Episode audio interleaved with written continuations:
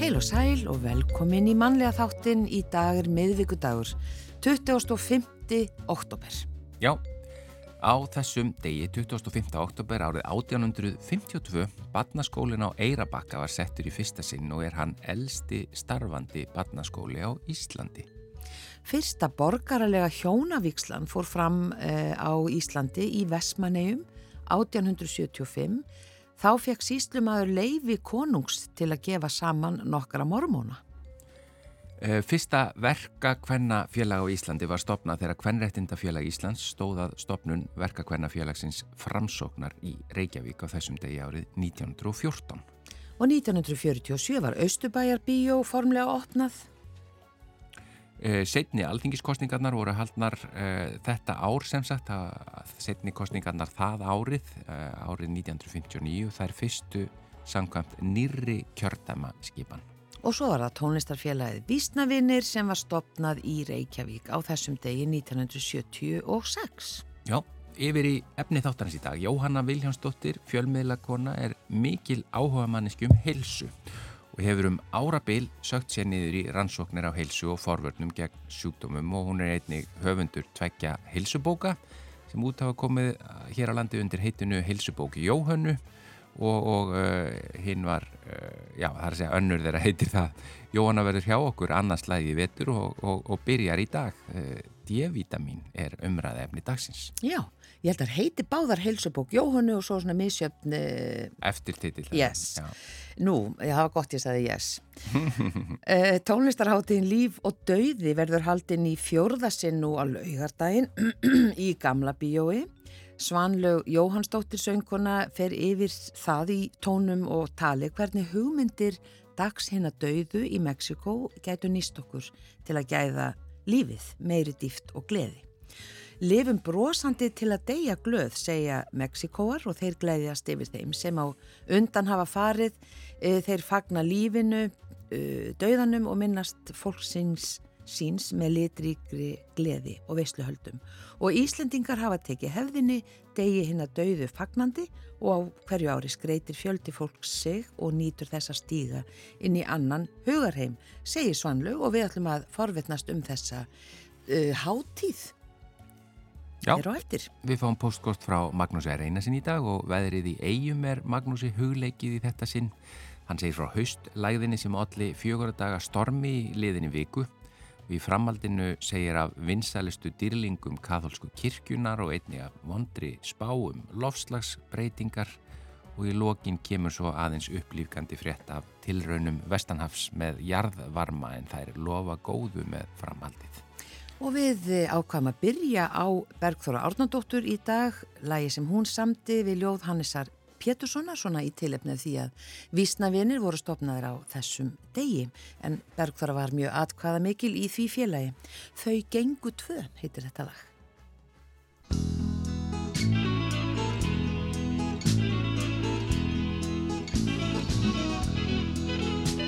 Þau gengu tvö að sá í sama og sama vonin ríkti hjörtum tveim í djúpa mál þau dreifðu fræjum sínum við dagslokk báru tómar hverju heim og ásaldri að tíakur þeirra drúpa hinn ilmið þungu dægur sumar vögn með hlýja skúr og bjarta sólum splærin bleikum stórum öksum þeirra sög Þau gengei framar út á akkur Svo undra fljótt og þó eitreða laus. Þau kvöttust þegar komin var sá tími Að kornið mætti skera þetta haust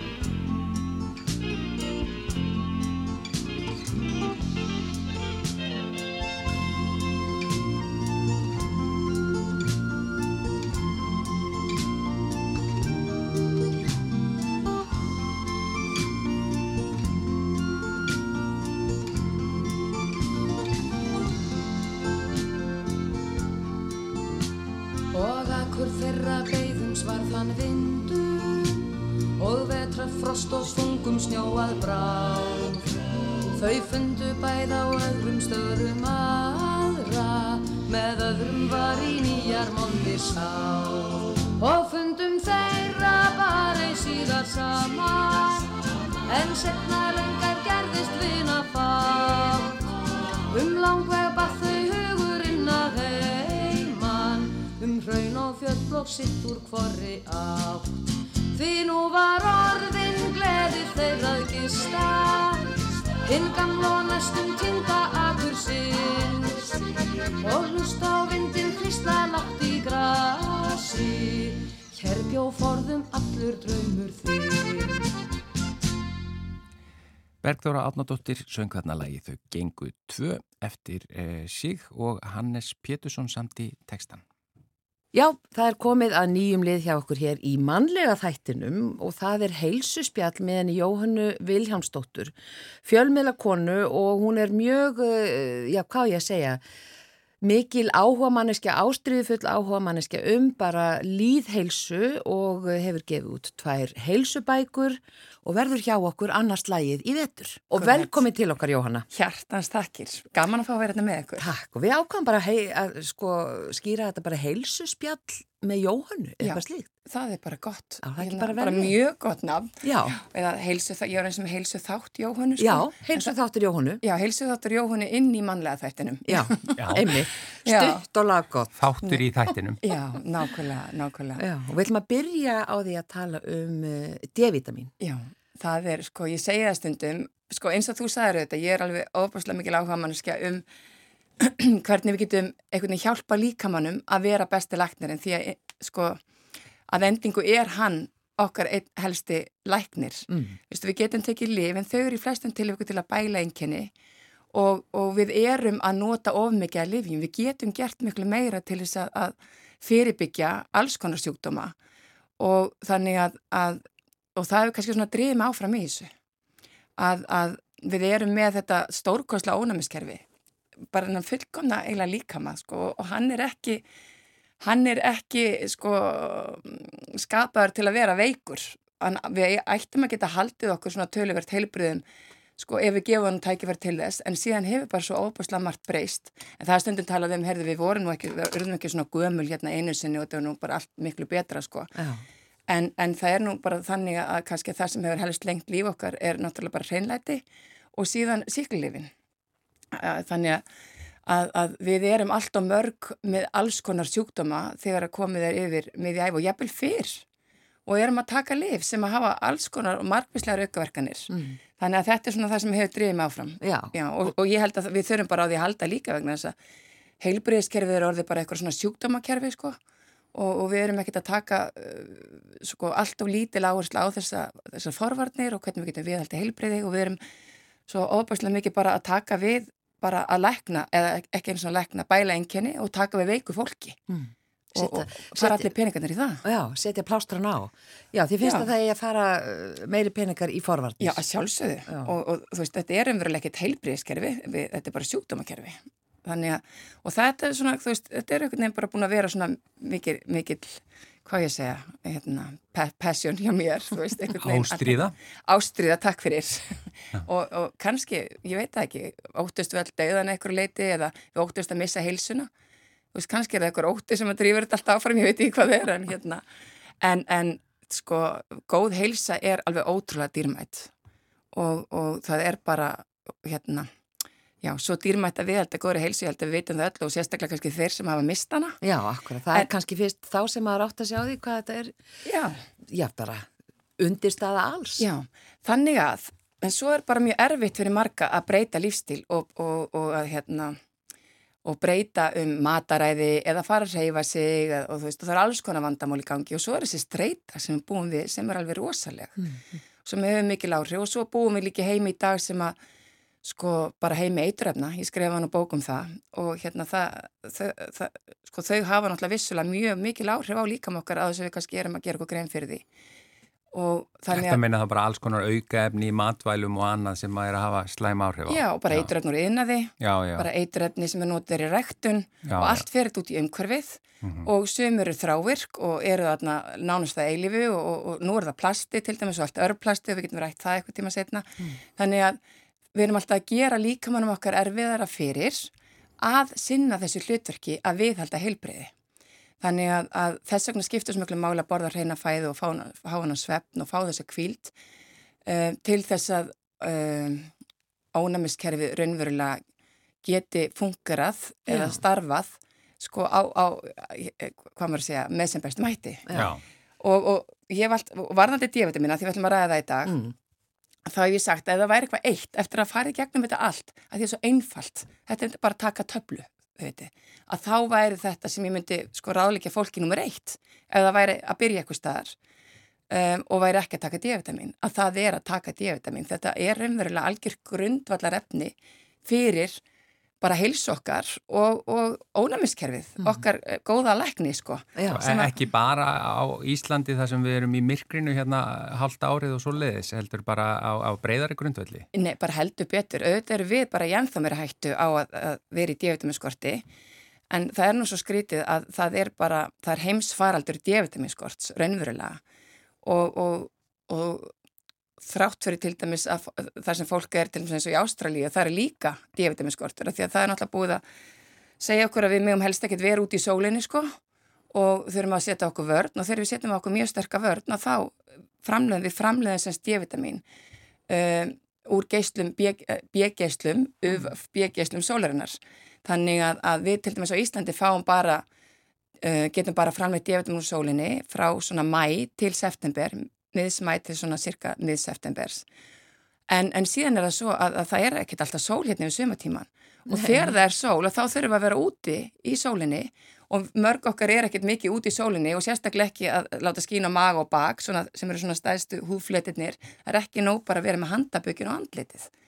Og, hérna, og við náttúrulega þróumst maðurinn undir sólinni. Þetta er nánast bara ja, mikilvægt efni og bara súrefni og og, og, og, og vatn og allt það sem við, svona, þessi, þessi grundvallar efni sem við þurfum til að þrýfast. Mm. Hva, hvað gerir D-vitamini? Af hverju er það svona? Já, mikilvægt? þetta er nefnilega, svona, það verist vera, bara samkvæmt rannsóknum, að því að sko, við, lengi búið að vera að vita að það skiptir máli varandi kalkupptöku og mm. einhvern veginn hafa þessi mörg og ráðlegar dagskamtar D-vitamini stolti meðast við það að, að hún sé í lægi til þess að fyrirbyggja þá beinbrot og beinkröm og bein meiri og, og beinþynning og allt þetta. En, en svo náttúrulega hafa verið að koma fram upplýsingar og síðislega já, má, má segja samt svona 20 ára sko, þetta er ekkit, en alltaf meira og meira og meira að þetta sé algjör grundvallarefni fyrir ónæmiskerfi, sko hver einasta frum á líkamanns er með viðtakara Já. fyrir D-vitamin, þannig að hver einasta frum á líkamanns notar D-vitamin, hver einasti vefur líkamanns notar D-vitamin þannig að þetta er talið verið algjör grundvallarefni og til dæmis bara tek, tekur þátt í stjórnun ónæmiskerfisins það að, sko, að það haldist í jafnvægi til dæmis fara ekki á yfirsnúning. Og það var til dæmis talið í COVID-inu vegna það voru gerðar alveg sko, hundruðir rannsókn á D-vitamini og COVID-i. Að þeir sem voru með háa D-vitaminstöði blóði þeir komist mikið betur út úr COVID-inu heldur en aðrir. Mm. og, og eins þetta á bara við umverulega um influensur og allar sko, svona síkingar sem við fáum við veturinn sko, í efri öndunavegi að, að að D-vitamin ver okkur gegn þeim. Þannig að, að, að að þetta snýst þá, já, um stjórnunina á ónæmiskerfinu að það fari þá ekki á þennan yfirsnúning sem að gerðist hjá mörgum til dæmis í COVID-inu og getur gerst auðvitað undir fleiri kringustæðum og þetta er til dæmis sko uh, varðandi þess að svokallu sjálfsónæmissjúkdóma uh, svona bólgusjúkdóma mm. að, að D-vitamin leikur líki hlutverk gegn bólgum það sko tjefrumur líkamanns sem eru svona okkar helstu varnir gegn síkingum og meira sé að líka ekki að krabba minni um, þær virkjast við D-vitaminni, þær fara á stað þegar einhver svona óskundi kemur inn líkamann og, og þær eru náttúrulega alltaf á ferðinni til dæmis að, að berjast, þetta er svona eins og okkarlega dráð sem er gegn krabbminsfrumum Veist, þetta er svona okkar fyrstu varnir sko, því að við erum all, öll með krabbminsfrumur alltaf sko, mm. veist, en, en, en kerfið á að viðhalda þessu eða sér um að halda þessu svona í jafnvægi og passa upp á það og þess vegna fáum við náttúrulega ekki öll krabbamenn þó við séum með krabbamenns frumur uh, þannig að, að þeirra, þannig að þær þurfa til að mynda á D-vitamínuna að halda Já. til þess að virkjast. Þannig að þetta er, hérna, já, þetta er bara alveg, þetta er alveg ótrúlega áhugavert allt saman Já. og þá erum við komin kannski að svona skömmtum sem við þurfum að taka Mm.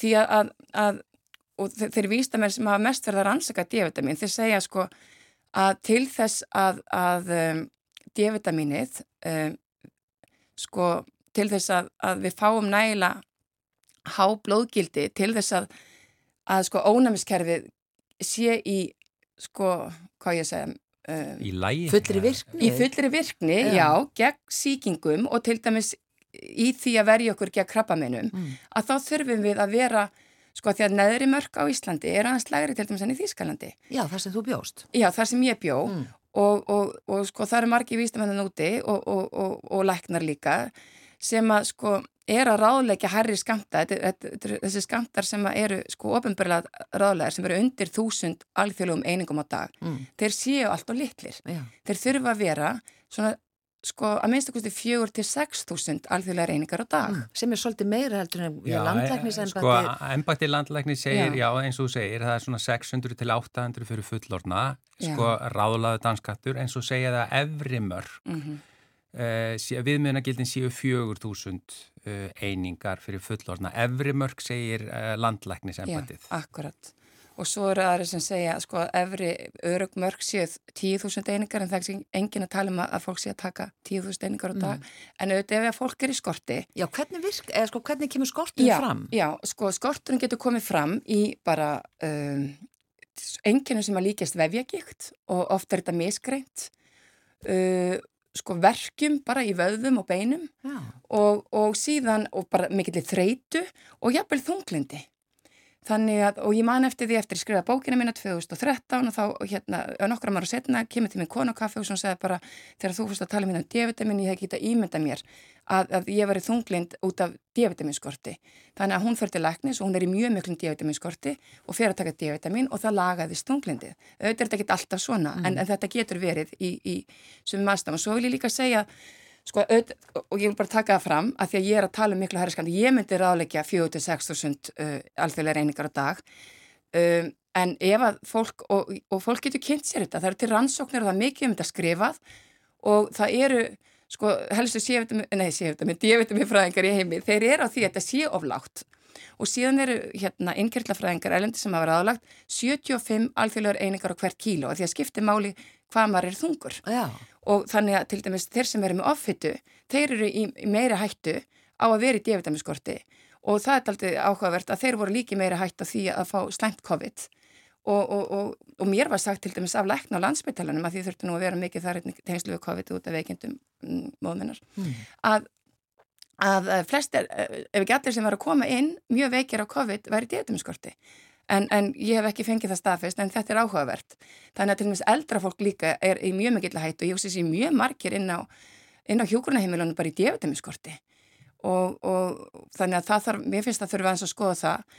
Uh, mér finnst til dæmis varðandi til dæmis krabbamein að þetta ætti að vera algjör bara hérna þá, þá, uh, þáttur í meðferð sko við krabbameini og líka bara eftir meðferð því að það rannsóknar hafa sínt til dæmis að lífslengur aukast ef að þú ert að, þú veist, í góðum D-vitamingildum í blóði. Já. Þannig að það er svona margt í þessu öllu saman sko. Það er margt í þessu öllu Já. saman og ég- bara kannski fólk getur farið og bara reynilega látið mæla þetta hjá sér Já. eða kannski, já, kynnt sér þetta. Sko ef að þú ert Betur. ekki búin að vera að taka neitt, eru þið að taka D-vitamin til dæmis? Já. Já. Nei, ég, Nei. ég, ég, það er alltaf, kona mín er að minna mig á þetta stöðugt en ég, nei, ég, ég er ekki nótuglegur í því. Nei, sko þetta, þetta er svo einfalt og það sem að skipti máli líka, því ég veit að tíminn er að vera búinn, Já.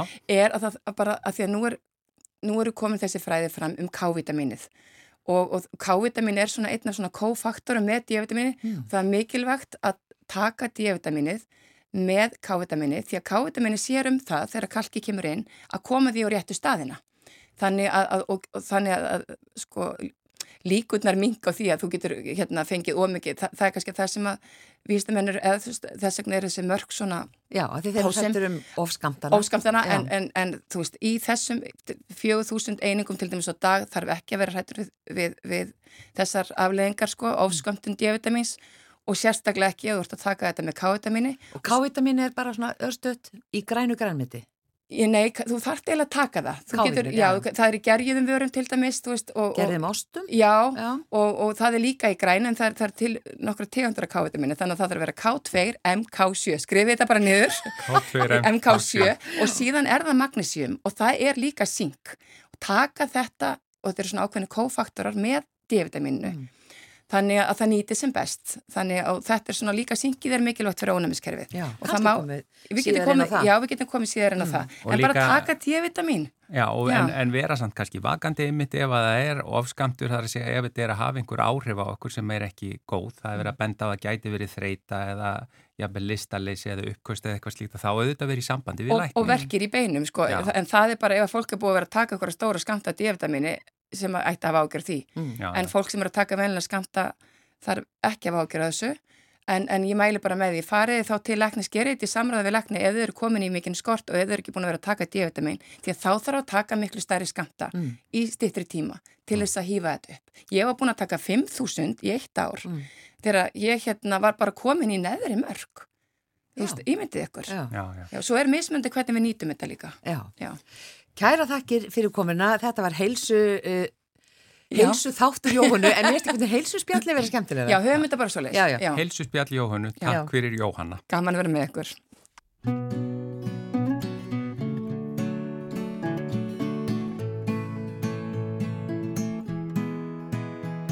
Ég hefði geta verið miklu betri en ég var Ég hefði geta verið sem ég bar En ég var líka ungur og ég vissi ekki betur.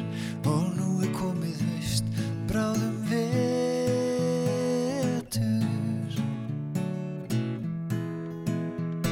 Og þegar vetur leggst á okkur og nótti veður laung Skal ég eigða fortíðinni með söng. Því það að vera ungur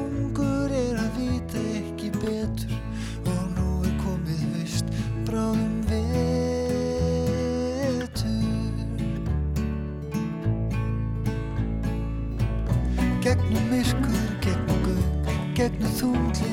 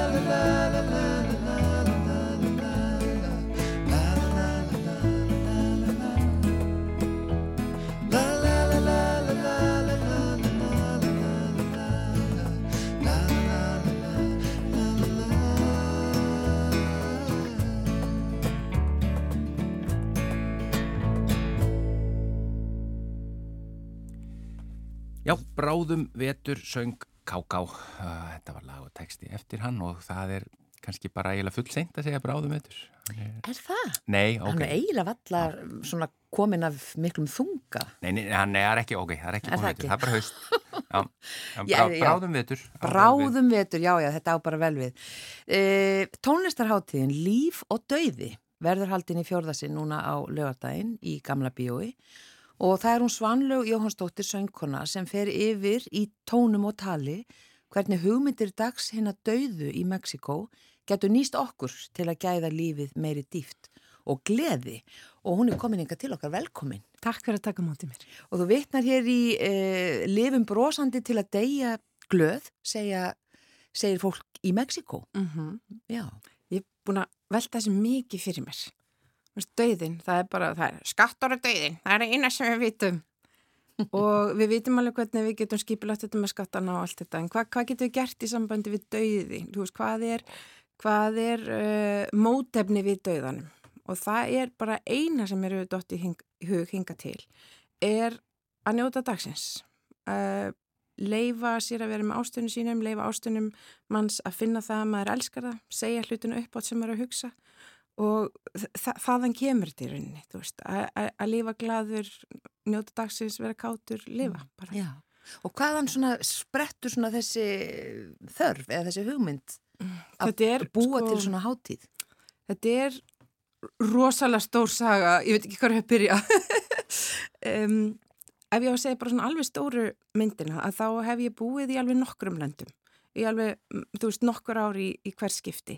Og hver skipti sem ég kem heim að þá er ég bæðið svo glöð að koma heim og fylla á batteríinu. Svo er ég líka svo glöð að geta sagt, hei, ég sé heiminn með aðeins öðruvísi augum núna.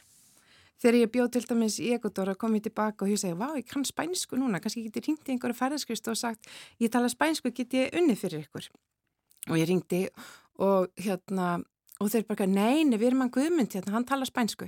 Þú veist, og það var þörfin árið, þú veist, 99 Mm. og þá var ekki til kóriandur út í búð og þá var, þú veist, það er svo margt sem hefur breyst. Og svo fór ég til Argentínu og þá kom ég heim og ég talaði rosalega mikið um ástriður og argentískan tangosöng og ég voni ég geri það alla æfi. og svo eignast þið best vini á Íslandi, ég og maðurinn minn, svona hérna vina hjón. Og ég vil eiginlega segja ykkur frá því vináttu sambanda því það er ekki síst sko þaðan sem ég næ í hugrekkið af því að fara og tala upp á sviði fyrir framann fólk um menningu annars lands sem er ekkert, maður tekur það ekkert svona mann finnst það ekkert auðvelt í dag nema maður fái mjög mikla þörf til þess. Mm. Við kynnumst hérna, þessar fjölskyldur og þau kenna okkur svona svolítið að gera hlutina eins og þau gera það og, og það er í rauninni eins og við hefðum alltaf vilja að gera það. Við bara hittumst, tvær fjölskyldu, klán þrjú á löði, enginn eitthvað búin að vera eitthvað að sveittur að undirbúa eitthvað matabóð og eitthvað alltaf hefur verið fullkomið. Heldur bara einhver fór í búð og einhver byrjaði að saksa græmiti og einhver hérna, er ég skal búið til drikki, einhver valdi í leið og eitthvað. Og svo var bara verið að njóta og hlæja, krakkarnir voru bara að leika sér á kantinum, það var dansað og við gerðum þetta jafnmarga lögata og við mögulega gátum þegar við vorum öll á landinu. Og þetta var svo mikið gleði, þetta var svo mikið afslöpun, þetta var svo mikið samstarf og eftir því að kynnast þeim að þá, náttúrulega eftir að hafa búið í Suður Ameríku þá þekkti ég pínlítið af þessari gleði en með þeim þá fer ég að verða mjög svona áhuga sem um Mexiko.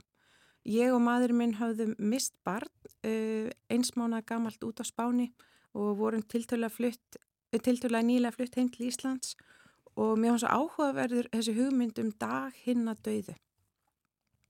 Ég sagði bara, vá, dagur hinn að dauðu sem er í rauninu vika hinn að dauðum og þegar ég var lítil og sá þetta einhvern veginn á einhverju myndum og það fannst mér eitthvað ha, ef verið að upphefja dauðan er það ekki bara eitthvað svona skrítið, er þetta ekki eitthvað svona pínu satanist? En þetta er svo rosalega, rosalega langt í frá. Þegar þau byrjaði að segja mér frá þá hugsaði ég, þá er þetta bara eins og jólin á Íslandi. Þú veist, það er einhver sem skreitir og við tölum um þá sem við þykir væntum við komum öll saman, við borðum góða mat og og þegar við tölum hefðir á alltaf náttúrulega flókið því að ef við myndum fara saman einhver til Asi og ég myndi fara að segja frá já við borðum alltaf hambúrgararreg þá myndi þú kannski segja nei við borðum alltaf rjúpu skiluru Mm. en, en við svona þú veist allir búa til sína útgafi af einhverju svona grunnhefð og mér fannst það svo fallegt uh, í framhald af því að missa barn að þá sá ég hvað það var erfitt fyrir okkur á Íslandi að vera í rauninni ekki með fleiri hefðir heldur en við erum í kringum sko döðan. Uh, með við marga höfum við tíma. Þú veist, mörglönd þeir eru bara eitthvað á 24 tímum er manneskjan látin, komin í er búið halda partí, búið fara heim. En við höfum alveg tíma á Íslandi, við höfum hérna kistulagningu og við höfum jarðaför. En svo eftir það erum við ennþá pínulítið föst í því, mikið breysamt, við erum pínulítið föst í því að það er sagt, jæja, er nú svo ekki bara farin að ná sér, veist, en svona fengi krabba minn eða, eða hann hafi lendi í, veist, eitthvað svona. Og, og mér langar svo að hugsa, getum við ekki bara gert pláss í lífin okkar fyrir þá sem við elskum, hvort sem er lífandi eða látnir.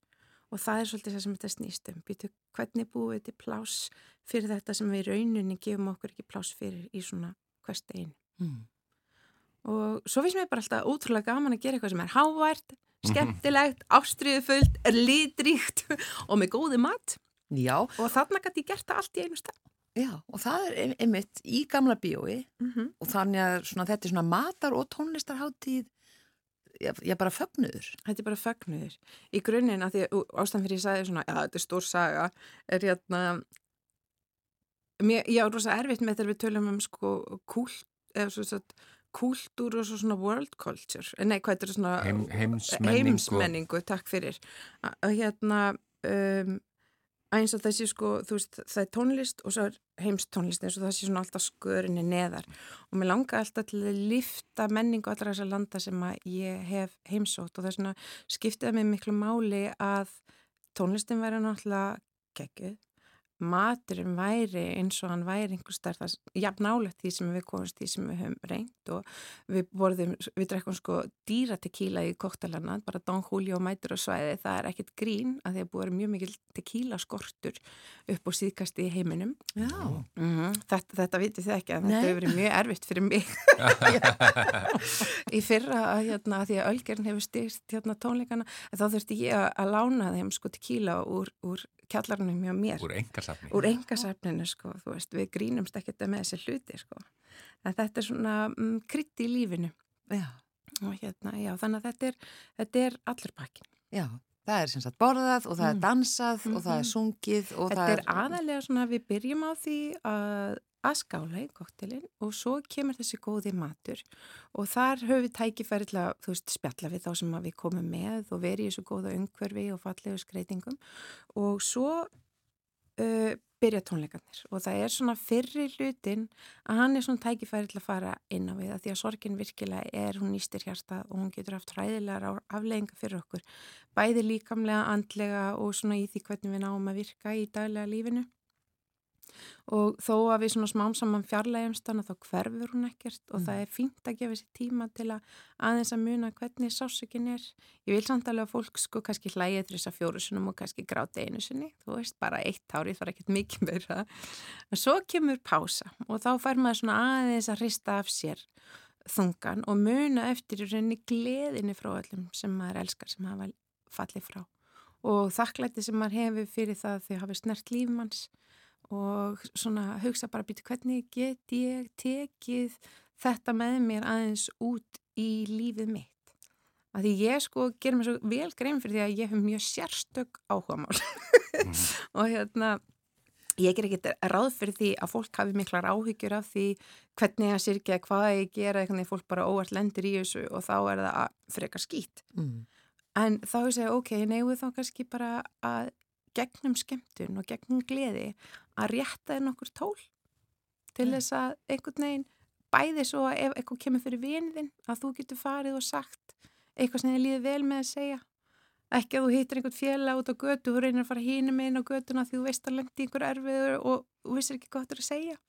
Og svona að við, að við að bara ræðum um hlutina. En ég er náttúrulega ekki að fara að sko, leysa heimskátuna. Nei, en, eh, þetta en opna umræðina og það er, það er svo holdt. akkurat.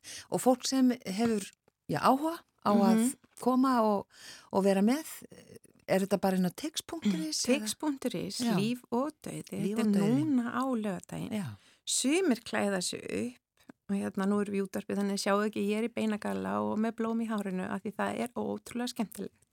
Við getum tekið undir að þetta er bara svakalega flott sko. já, Nei, ég segi svona, en hérna, sumi klæði sig upp og sumi gera ekki og, og báðir já, velkomnir, en það var svo fallegt að eftir tónleikana í fyrra sem var bara tróðfullt og færi komast aðeins vildu, að þá komu nokkra til mín eftir og sagði ég ætla að setja fleiri blóm í hárið á næsta ári eða ég ætla að vera í meiri litum þá. Og ég segi bara, það er svo holdt að leifa sér að stíga inn í ævintýri og ég tala ekki um þegar við getum undirbúið okkur fyrir ævintýrin aðeins þannig að bara bæði er betra og, og við lögum allavega rosa til. Mm, Takk fyrir Svanlaug Jóhannsdóttir söngkona og þetta eins og það segir tónlistarháttíðin líf og dauði á laugardaginn í Gamla bíó. Takk fyrir mig.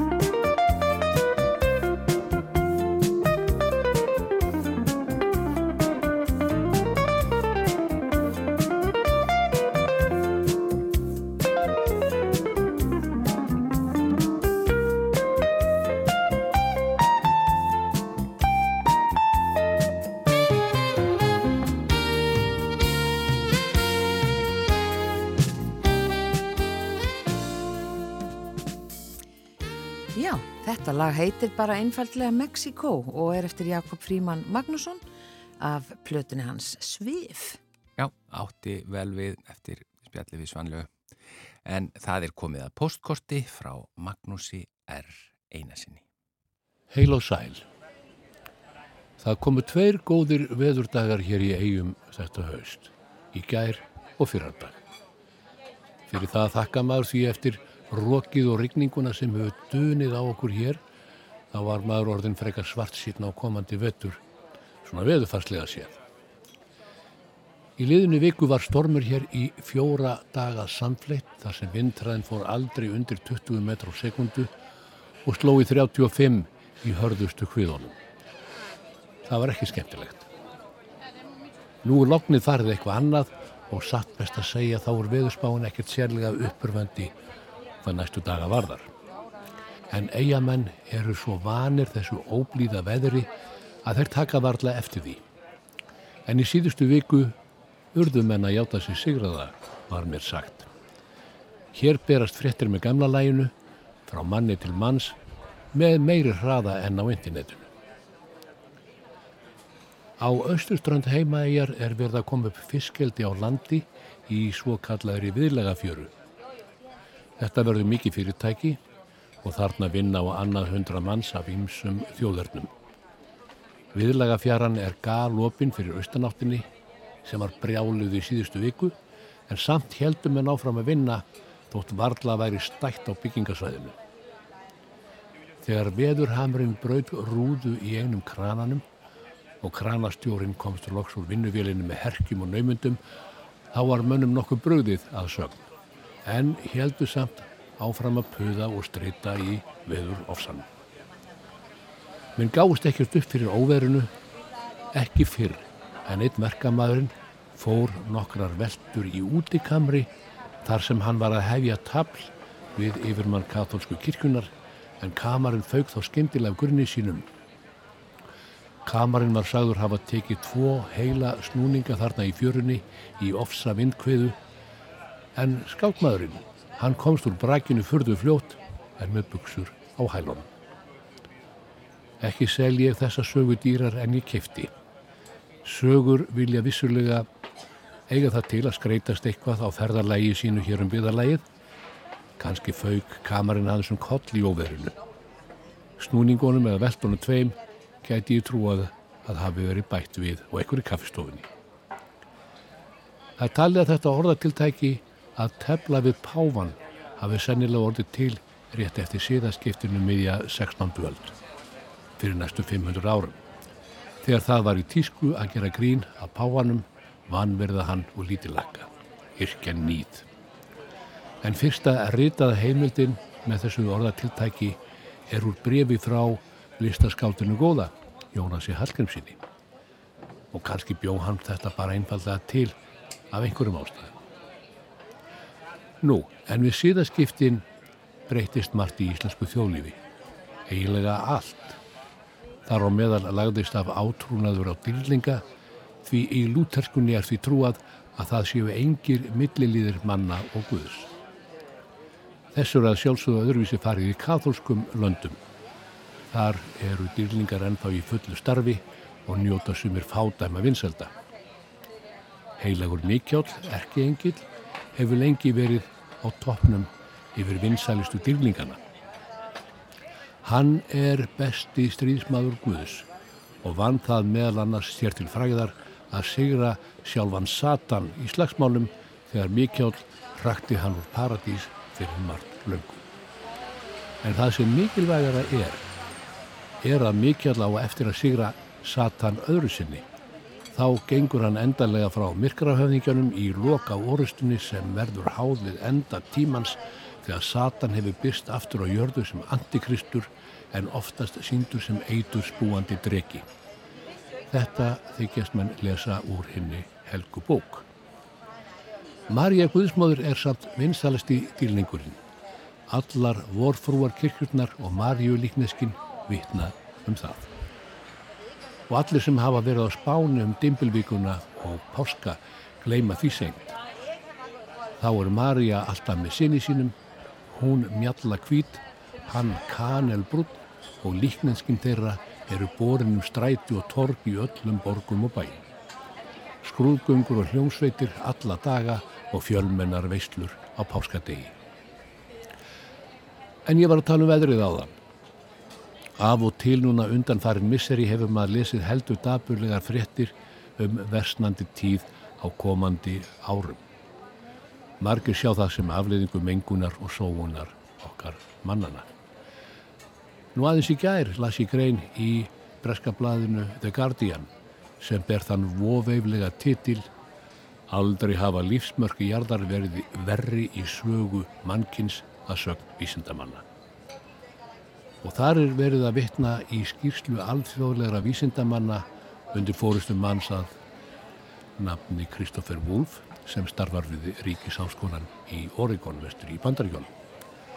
Þar segir í skýrslunni að 20 af þeim 35 svokvölduðu lífsmörkum jarðar eru að versna með öfgakendum hætti. Aug losunar gróðrúsa lofttegunda, hítastiks og jördu og sjávarborðs hækkunar mæla lífsmörkin einni áhrif mannfjölda og fjölda búfjár. Mörg loftslagsmet voru slegin með afgerandi hætti á þessu ári. Þar á meðal lofthiti á jörðinni, hítastig sjávar og bránun hafís á söðusköldslandunum, sögðu vísindamennir. Hæsti mánaðar hitti sem mælst hefur á yfirborði jarðar var núna í júli síðastlinum og var líklega sá heitasti sem plánetan hefur þurft að þóla í 100.000 ár. Vísindamennir lögðu einnig áherslu á óvennulegt skóareldatímabil í Kanada sem allir fordamalaustri koltvísýringslosun. Skóareldarnir losuðu alls 1 miljard tonna af koltvísýringi sem jafngildir allri ársframleðslu Japans sem er 50 stærsti mengunavaldur heims. Rannsakandur kvöttu til umbreytingar yfir í alþjóðlegt hagkerfi sem setti velferð mannsins í forgang og minkaði ofneyslu og óháflega losun hinnar ríku. 10% þeirra sem losa mest voru ábyrgir fyrir næstum 50% af losun á heimsvísu árið 2019, sögðu þeir. En einhvern veginn held ég að þeim verði ekki ósk sinni, allavega ekki á næstum. Framtíðarsýnin sem byrtist í skýrstunni er ekki sérlega uppurvandi. Í raun er hún ekkert annað en óhugnarleg. Kristoffer Wolf segir í viðtalinu hjá The Guardian að án aðgerða sem ráðast beint að róta vandans en hún er einfallega svo að mannkinni tekur meira en jörðin getur gefið. Það verður þar af leiðandi óhjákvæmilegt hrun í náttúrinni og félagshagfrændi kerfum um allan heim. Lofthitti á eftir að vaksa stjórnlaust sem aftur á eftir að skapa fæðuskort og vastleysi í mörgum heimslutum. Um næstu aldamót má búast við að á bylunu 3-6 miljardar manna muni neyðast til að draga fram lífið á nánast óbyggilegum svæðum þar sem ofurhitti, takmarka fæðuval, vonda vatn mun valda dauða og eigðileggingu.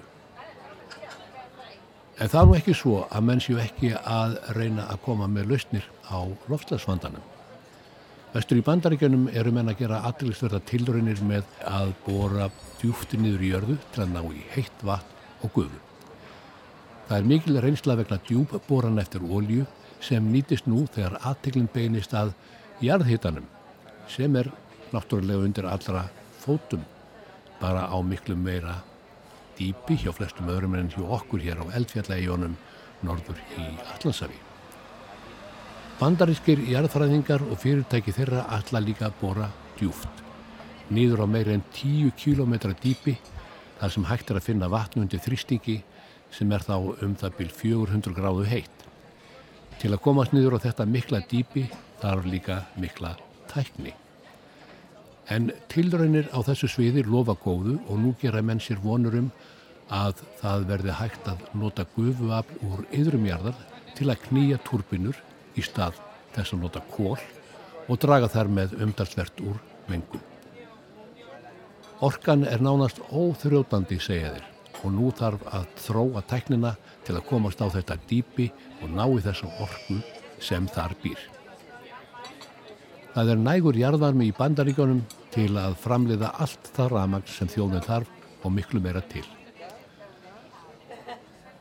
Aðferðin sem er verið að prófa er í einföldum máli svo að bóra tvær djúpar hólur, síðan bóra út frá þeim lárétt þannig að bórhólurnar líta út eins og risavaksið ell í lægin. Síðan er bergið sprengt á um byrj 10 km dýpi til að mynda rifur í bergið, vatni verður svo dælt niður í aðra hóluna þar sem það hittnar upp í 2-300 gráður og leita svo upp í gegnum hinn á hóluna. Þetta er svona í grundvallaraturðum aðferði. Ef þetta hefnast og verður traust aðferð til að framleiða ramagn á yfirborði jarðar, þá verður það ekkert annað en bylting. En ef ekki verður hægt að koma böndum á hlínun lofslags, þá má því miður búast við versnandi veðurfari á komandi tímum. Og þá verður til að mynda að finna miklu traustari og vindheldari út í viðlega fjöru á heimægi. Bestu kveðjur og góða stundir.